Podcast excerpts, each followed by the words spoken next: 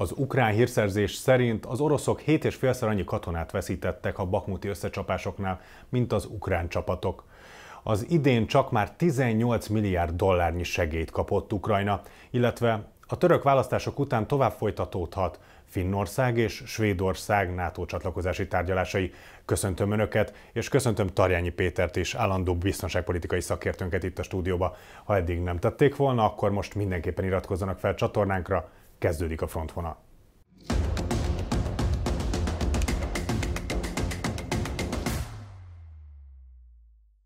Köszöntelek Péter, a már felkomban említett témák előtt mindenképpen beszéljünk egy picit arról, hogy hogy nagyon ellentmondásosak az elmúlt hetek hírei, hiszen ugye hát mi is többször beszéltünk arról, hogy elindult már a tavaszi hadjárat, a nagy beígért hadjárat, hogy már zajlik, közben Zelenszky is fogadkozik, hogyha majd igazán elindul, akkor itt mi fog történni. Közben az amerikaiaktól is többen nyilatkoztak arról, hogy elsőpről lesz az ukrán támadás, hogyha most megindul. Hát akkor most van támadás, nincs támadás, mi történik az ukrán-orosz frontvonalakon? Én is üdvözlök mindenkit, és én azt gondolom, hogy egészen jól összefoglaltad azt az űrzavart, ami az elmúlt időszakban mind a médiában, mind pedig az ukrán és nyugati kommunikációban ennek a témának a kapcsán felbukkanhatott. Tavaszi hadjáratról olyan szempontból a szárazföldi hadműveletek tekintetében nem beszélhetünk, mert most már ugye júniust írunk, tehát hogy innentől kezdve ez nagy valószínűséggel ugye nyári hadjárat lesz. Én azt gondolom, hogy itt egy nem is félreértés sorozat, hanem egyfajta kommunikációs megfelelés, egyfajta vágyelvű gondolkodás mind-mind jelen van ebben az egész kommunikációs helyzetben. A vágyelvű gondolkodás, és akkor hátulról kezdeném, abszolút jelen van és látható a nyugati médiában ténylegesen azt szeretné biztosítani és, és bejelenteni kommunikáción keresztül mind az Egyesült Államok, mind pedig a NATO országok politikai és a politikához kapcsolódó katonai vezetés is, hogy azért itt komoly változások vannak, vagy várhatók az elkövetkező időszakban.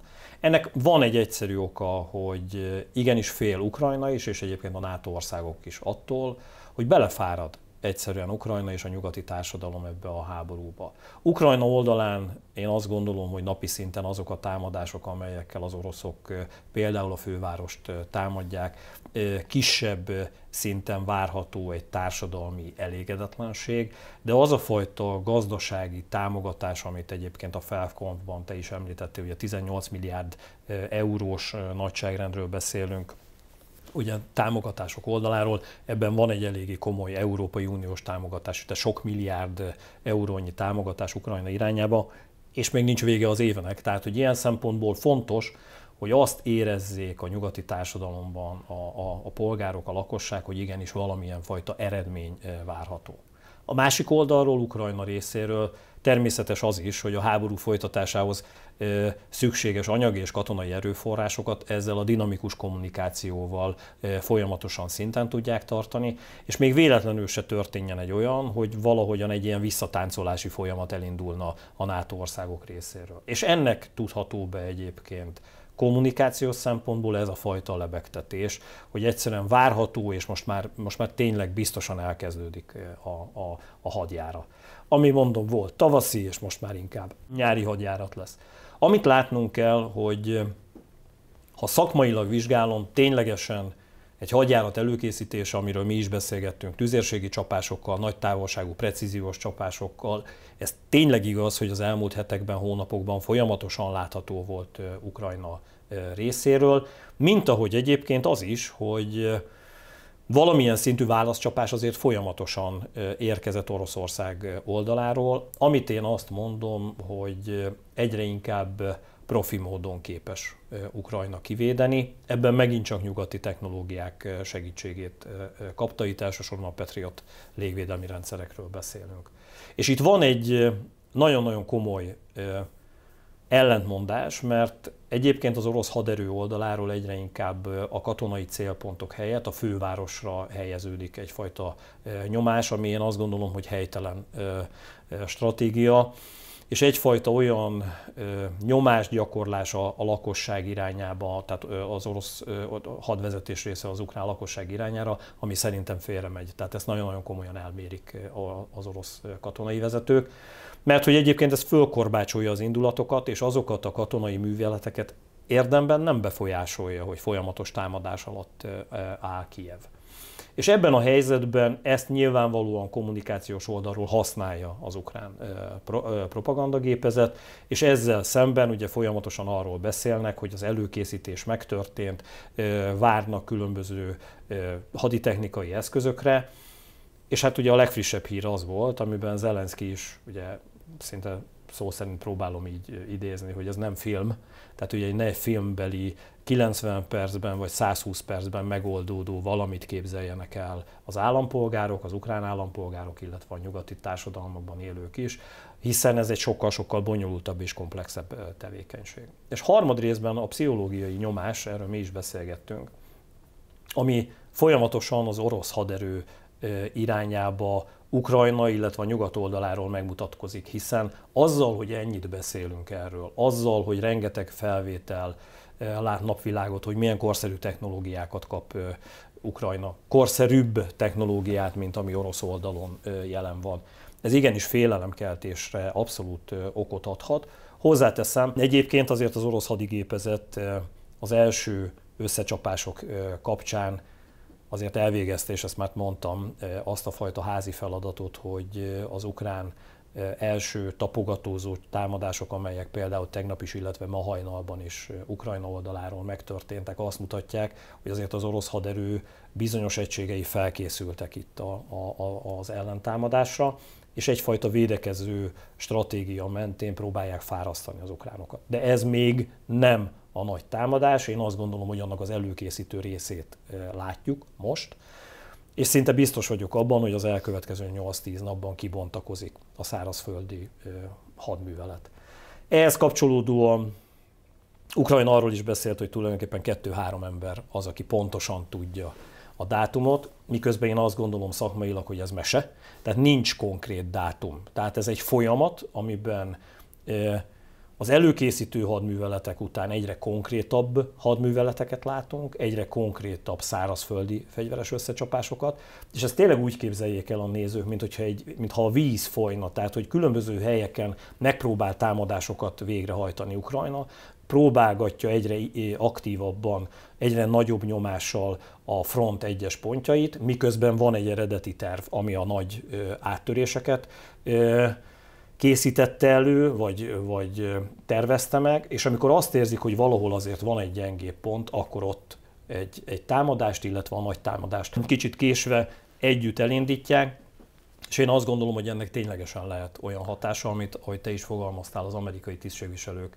ugye arról beszéltek, hogy biztosak abban, hogy átütő ellentámadást fogunk látni az ukránoktól. Ez még nincs, de ténylegesen a június, július, augusztus időszaka abszolút Ukrajnában egy ilyenfajta támadásorozatra időjárás és egyáltalán terepoldalról alkalmas. Ha már említetted a segélyeket, akkor folytassuk ezzel. Ugye összesen az idén már 18 milliárd dollár, nagyságrendileg körülbelül 18 milliárd dollárnyi nemzetközi segélyt kapott már Ukrajna az idei évben.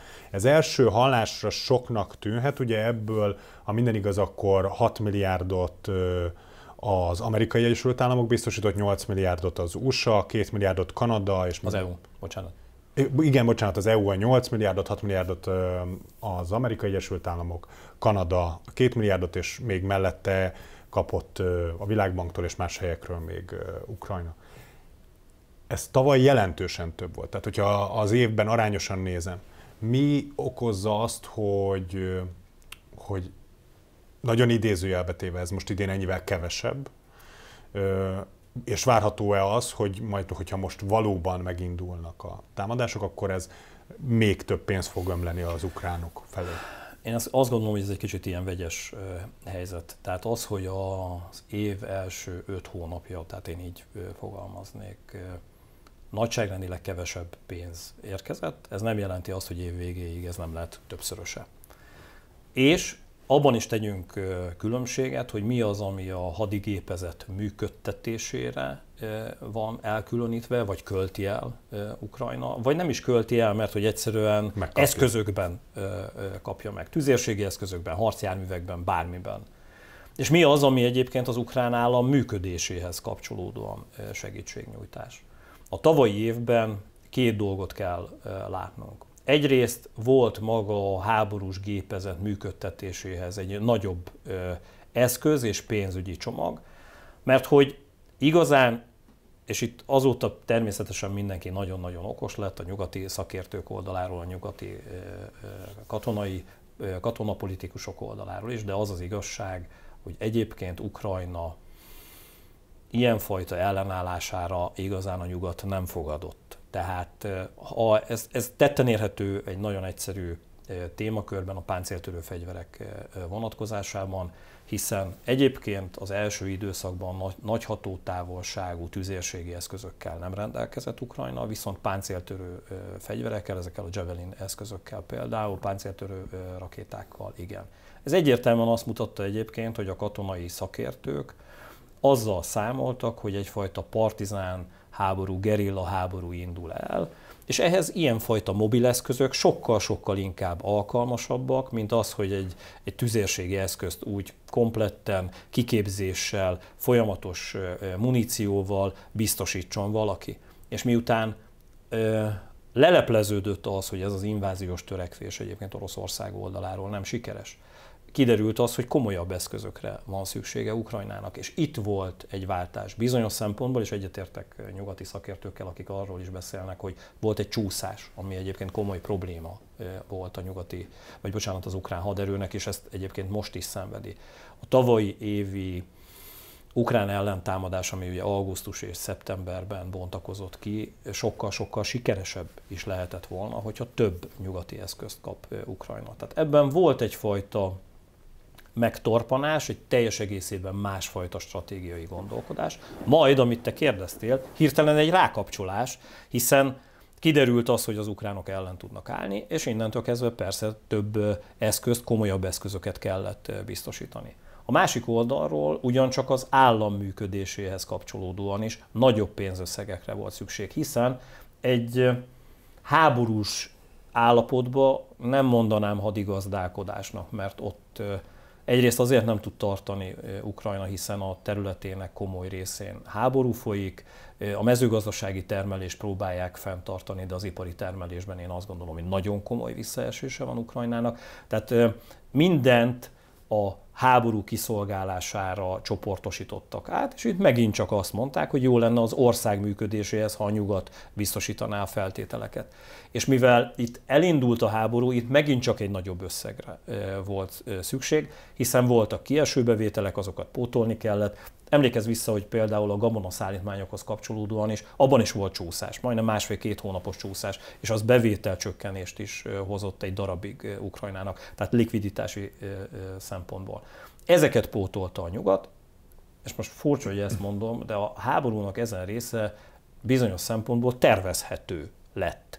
Mert hogy a folyamatok zajlanak, Nagyjából kiszámítható az, hogy Ukrajna működésére milyen források szükségesek. Ebben voltak túlkapások, voltak korrupciós ügyek, tehát számtalan olyan dolog, ami azóta lezajlott, és ez egyfajta mederbe terelődött. Akkor azt mondod, hogy jelen pillanatban Ukrajna beállt egy háborús gazdaságra, ők a meglévő területeiken meglévő mennyiségű terményt, eszközt, pénzt tudnak előállítani és Próbálják. felhalmozni, próbálnak. Igen. Ezt pótolja a nyugat különböző segélyekkel, és így fenntartható akár hosszú távon is az ukrán gazdaság. Hát az, hogy mennyire hosszú távon, ezt, ezzel kapcsolatban én óvatos lennék.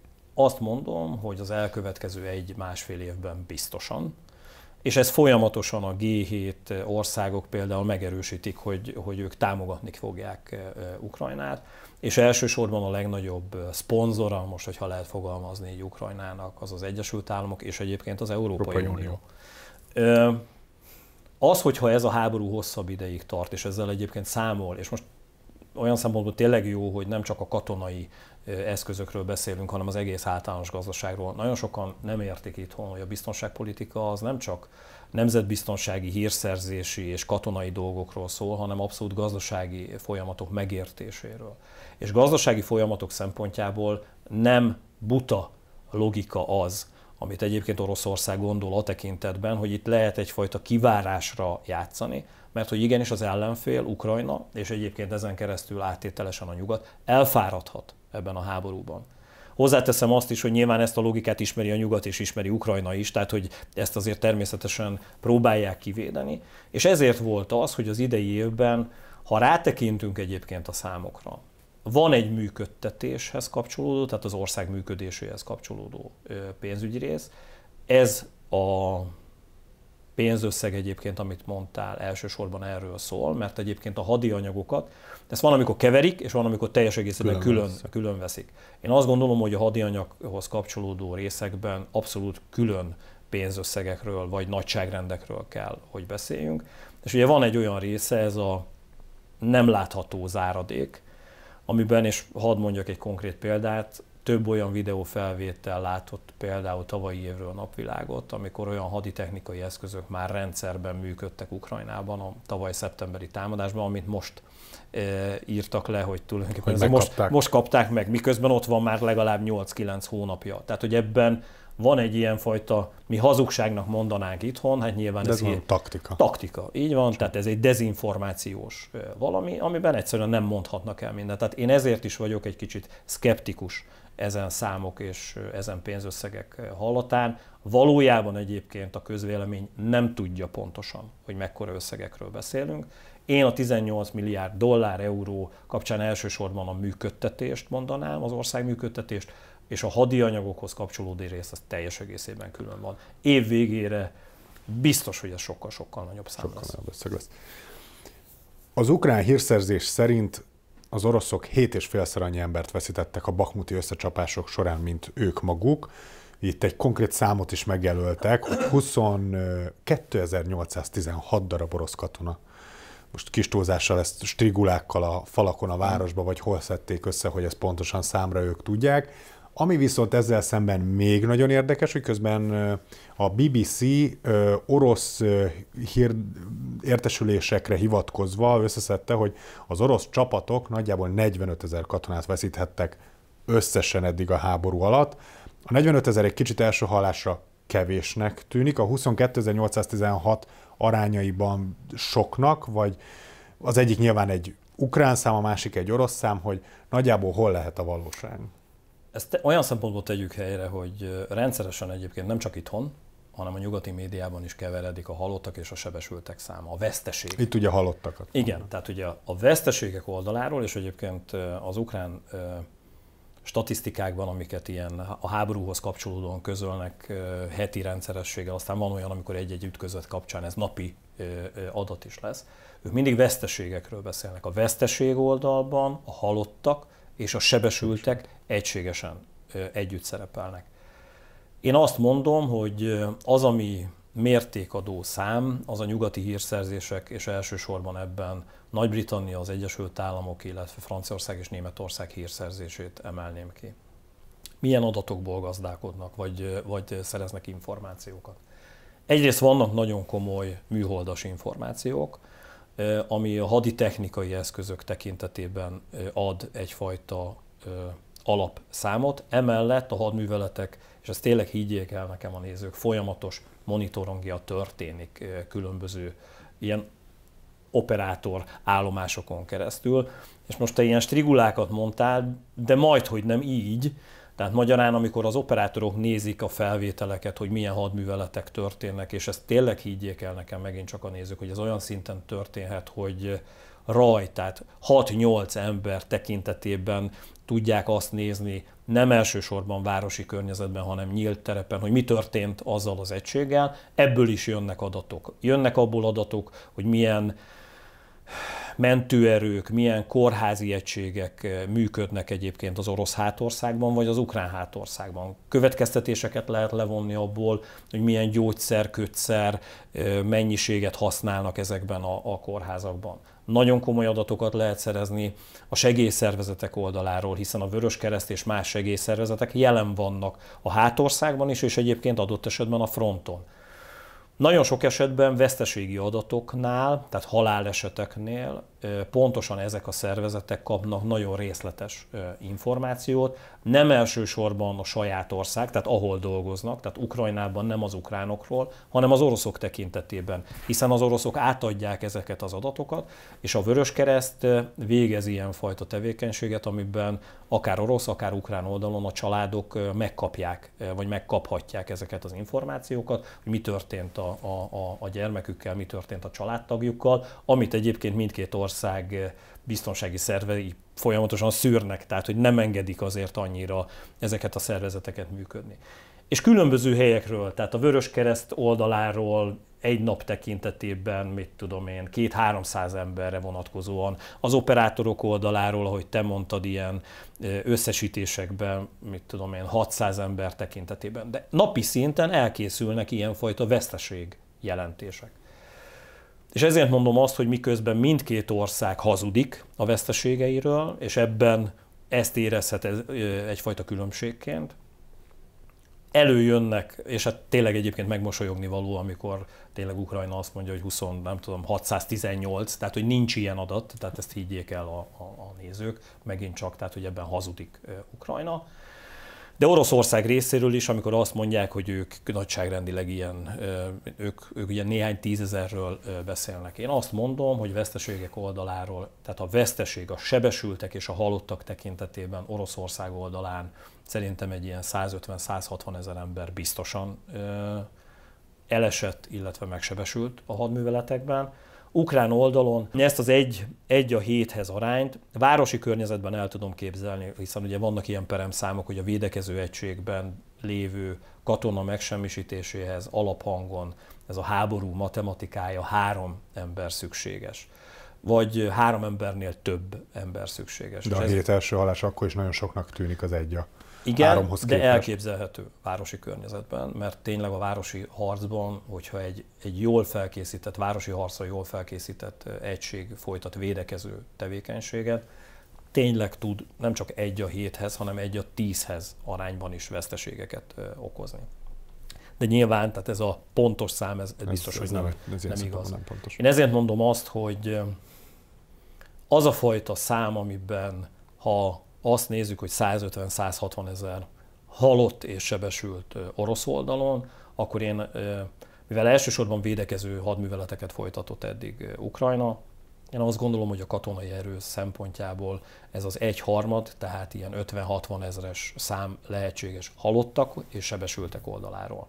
De nyilván ez térségenként változik, tehát, és voltak hadműveletei, támadó hadműveletei Ukrajnának, ahol lehettek nekik is nagyobb veszteségeik.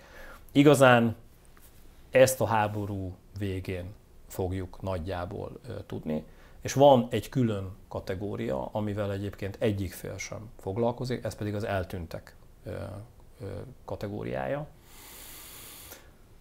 amiben ténylegesen ez is, ez is egy háborús statisztika, tehát ebben az első, második világháború és azóta számtalan fegyveres konfliktusban egy olyan peremszám jött ki, hogy általában az eltűntek nem 100%-a halott, általában 70-80 százalékuk halott. A maradék 20-30 százalékban dezertőrök, vagy olyan sérülés, amiben egyszerűen nem tudja elmondani magáról, hogy ki ő, és akár évekkel később derül ki. Átállás, tehát hogy, hogy átáll a másik oldalhoz. Erről sem beszélnek egyébként sem orosz, sem ukrán oldalon, pedig előfordul. Minden háborúban volt ilyen, tehát ebben a háborúban biztosan megtörtént ez is. Tehát ezért van az, hogy ezekben a számokban nem látunk jól. Itt ugye az alapkérdés az, amit előbb a beszélgetésünk elején felvetettem, hogy ki bírja tovább, és ebben megint van egy orosz logika, amiben ők azt mondják, hogy nagyobb nemzetként ők tovább tudják bírni. Több tartalékuk van, humán így erőforrásban. Így van, és ez, ha mozgósítási oldalról nézzük, ez matematikailag megint igaz. Itt nagyon érdekes az a témakör, amivel egyébként ti is foglalkoztatok itt az Indexnél.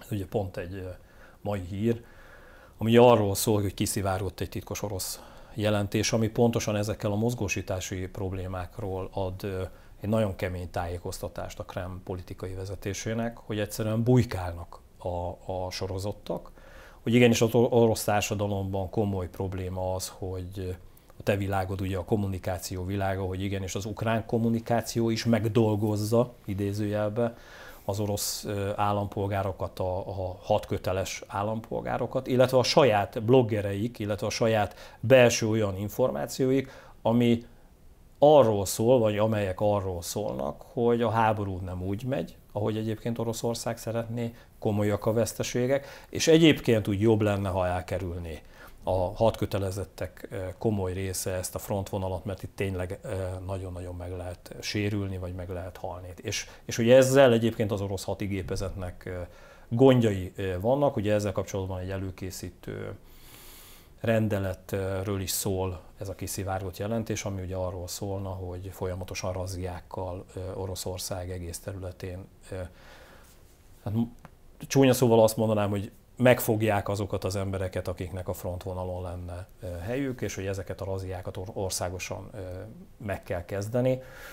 Tehát itt jön az, amikor te azt mondod egyik oldalról, a számok oldaláról, hogy ilyen számok vannak orosz oldalon, és én erre mondom azt, hogy is egyébként van a morál oldal, hogy egyébként akar-e egy társadalom harcolni, és egyébként azokat az embereket, akik matematikailag ott a papíron szerepelnek, ténylegesen el lehet-e juttatni a harcmezőkre. Kevés szó esik arról, hogy bár a háború elején minden az ukrán menekültekről szólt, hogy mennyien vannak, hogyan segítsük őket egy emberként, hogyan kell őket támogatni a menekülés közben.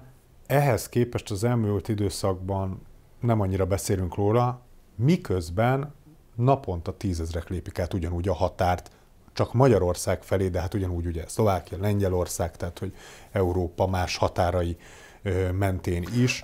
Mi okozza azt, hogy aki az elmúlt több mint egy évben még nem indult el, most érez egy olyan nyomást, vagy egy olyan hatást, hogy neki el kell indulnia.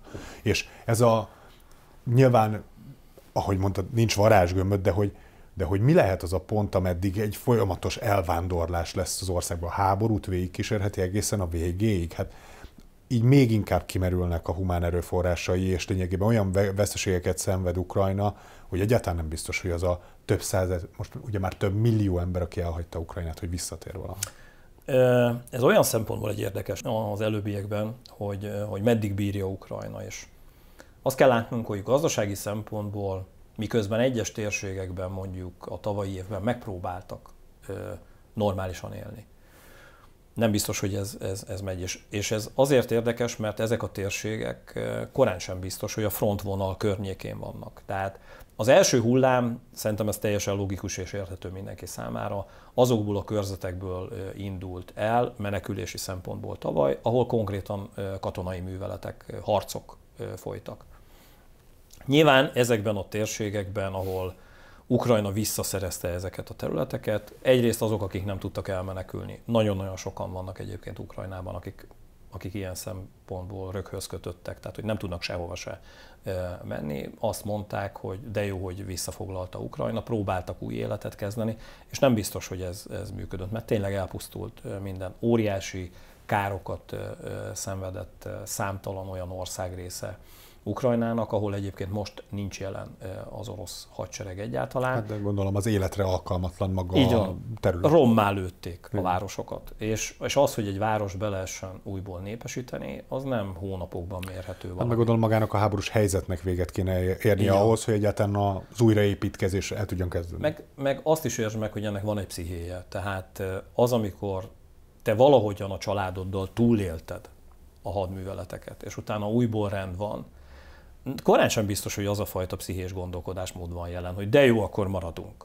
Hanem pontosan az, hogy hála jó Istennek túléltük, akkor menjünk innen, mert nincs vége a háborúnak. Tehát újból visszajöhetnek ide a harcok, tehát ez a félelem. Tehát ez a pszichés rész az, ami egyébként folyamatosan abból a térségekből mozgatja az embereket. A másik fontos rész, hogy igenis vannak olyan részei Ukrajnának, ahol az ipar tönkrement, ahol olyan precíziós csapások vagy kevésbé precíziós csapások, mert ugye nagyon sok területen Oroszország nem volt képes erre, ennek ellenére olyan mennyiségű támadást hajtott végre, hogy azért elpusztultak erőművek, elpusztultak acélművek, tönkretették egyébként az iparát igazán Ukrajnának az oroszok. Tehát hogy ezt, ezt múlt időben lehet mondani. Tehát ez nem most zajlik, ez megtörtént. És egyszerűen ezekben a térségekben nincs munka. Tehát nem zajlik ott a háború, de ennek ellenére valahogyan szeretnéd a családodat eltartani. És van a harmadik része a gazdaságnak, ugye ez a vállalkozások és egyáltalán a cégek élete. A cégek egyébként teljesen érthető módon szintén a keleti régióból, és itt ne csak a frontvonalat értsük megint csak ez alatt, elindultak a nyugati régiók irányába. Például egyébként Kárpátalja ilyen szempontból, most bocsánat, hogy így fogalmazok, és nyilván idézőjelben mondom, a béke szigete, mert hogy abban a térségben rengeteg vállalkozás települt át uh, Ukrajnából. És itt is van egyébként egy ilyen fajta mozgás. És a Magyarország határait átlépő embereket én ilyen szempontból ketté bontanám. Egyrészt vannak tényleg azok, akik menekültek, akiknek egy része itt marad, de jó részük, ezt is látnunk kell, nem marad Magyarországon. Tehát ezért, amikor ezeket a számokat hallják itthon, vannak szak, szakértők, akik szkeptikusak a tekintetben, hogy mennyire precízek ezek a, a, Igen, a számok. igazából csak nagyságrendek vannak, hogy ha jól tudom, akkor a hétvégé folyamán pénteken azt hiszem 11 ezer, szombatra Ez egy általán, általános, én azért mondom, De mutatja a nagyságrendet. Nagyságrendben azért... én azt gondolom, hogy ténylegesen van egy 8-10 ezer ember naponta, akik átmozognak, és jó részük egyébként nem marad Magyarországon, tehát egy részük itt marad, de jó részük, mert ugye erről szólnak ezek a híradások, hogy akkor hol, tehát már milliókat kellene látni. De azért nem látunk milliókat, mert egyébként átmennek, átmennek Magyarországon, és mennek elsősorban Nyugat-Európába. Lengyelországban egyébként komoly probléma, mert Lengyelországban az érkezők komoly része ott marad, tehát hogy itt nagyságrendileg már azért egy ilyen 3-4 milliós tömegről beszélhetünk, tehát ukrán állampolgárok oldaláról, ami azt gondolom, hogy Lengyelországnak azért elhelyezés, egyáltalán működtetés és egyáltalán támogatás segélyek oldaláról nem kis feladat. Itthon elsősorban a beléptetés, az ehhez kapcsolódó szűrés és valami fajta elsődleges segítségnyújtás az, ami a magyar hatóságok oldaláról, illetve a civil szervezetek oldaláról is, mert ezt se felejtsük el, nagyon sokan segítenek a, az ukrán menekülteknek. Megtörténik, de mondom, elsősorban ez átkísérést jelent Magyarországon, és utána mennek, mennek tovább. Ez komoly baja egyébként Ukrajnának, és itt van megint csak az, ami gazdasági és társadalmi szempontból is egy komoly megmérettetése az ukrán társadalomnak. Lehet konkrét intézkedéseket hozni, hogy nem engedik el a hatköteleseket. Több ilyen volt egyébként. Letartóztatásokat lehetett hallani a magyar határnál is, ahol visszafordítottak, lefüleltek úgy fiatalokat, akik át akartak szökni, mert egyébként nem akarták a katonai szolgálatukat ellátni. Én azt gondolom, hogy ez hatalmi szóval lehet, csinálják is az ukránok, de nyilvánvalóan egy ország nem háborúzhat állandóan. Valahogyan meg kell teremteni ezt a fajta gazdasági egyensúlyt. És ebben, ahogy te fogalmaztál, az elkövetkező hónapok nagyon-nagyon kritikusak.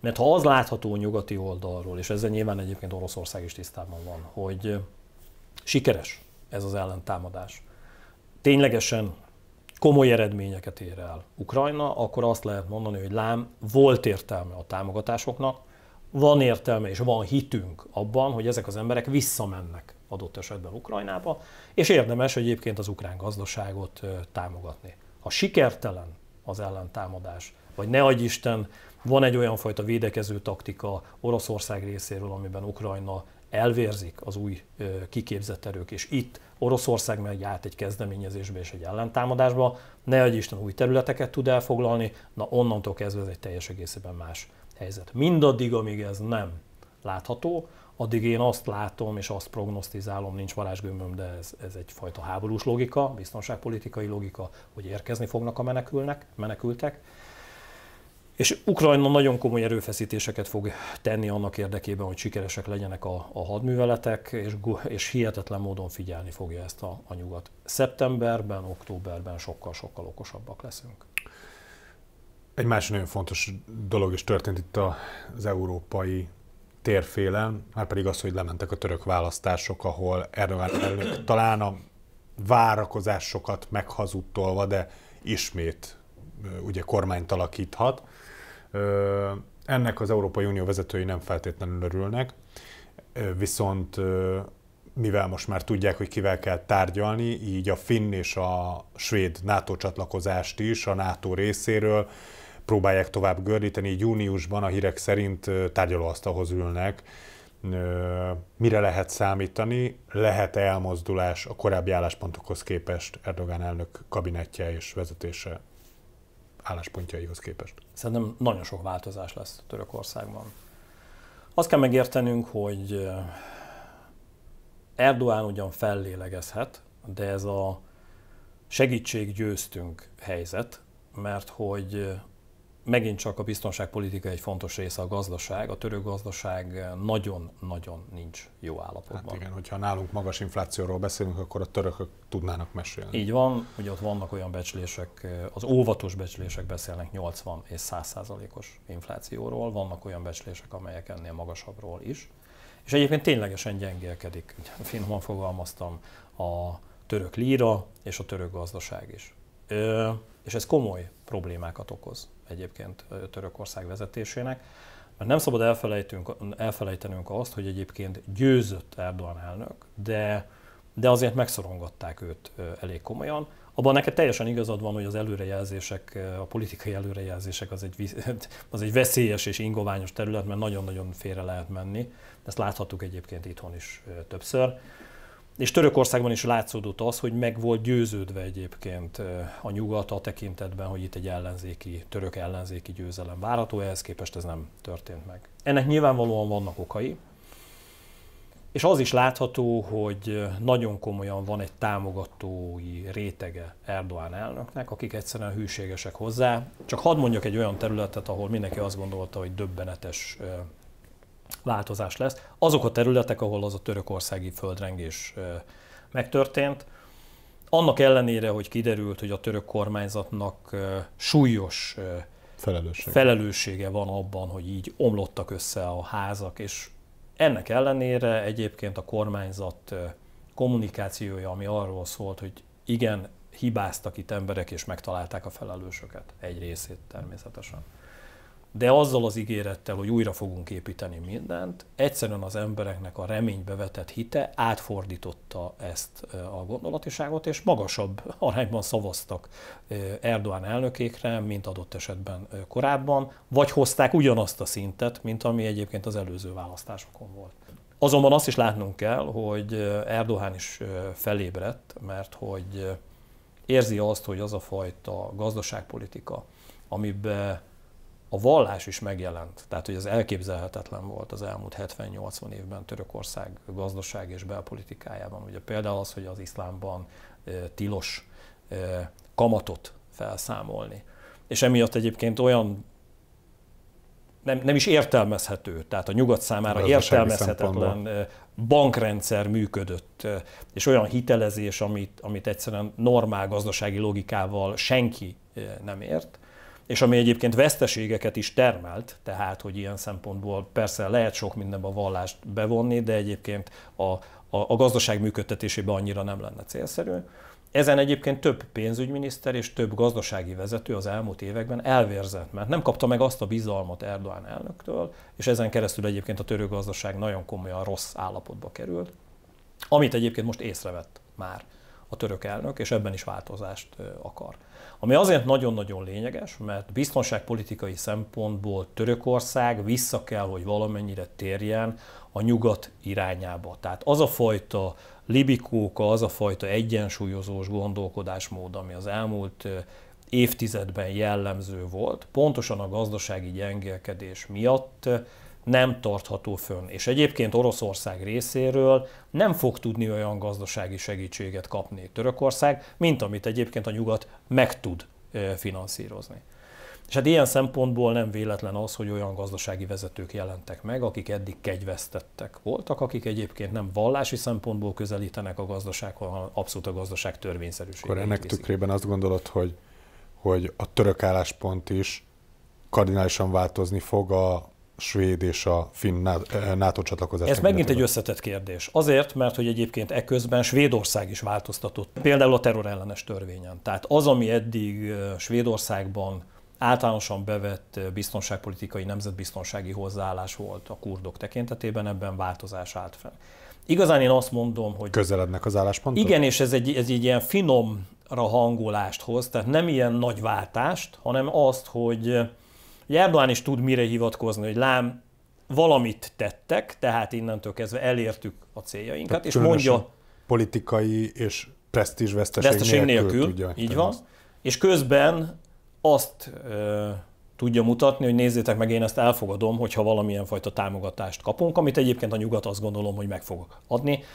Mert hogy nyilvánvalóan az a fajta Oroszország felé lévő közeledés, az nem jó a nyugat számára. Tehát én azt gondolom, hogy igazán ebben a kérdéskörben lesz változás, egy másfajta Törökországot fogunk ö, látni.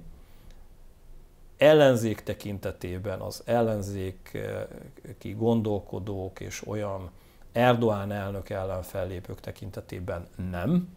És ez azért érdekes kérdés egyébként, mert azzal fognak szembesülni ezek az emberek, hogy abban a pillanatban, hogyha Törökország egyébként a nyugat számára kedvezőbb lépéseket tesz, valahogy egyébként ezek a folyamatok annyira a nyugatot nem fogják érdekelni. Egyáltalán.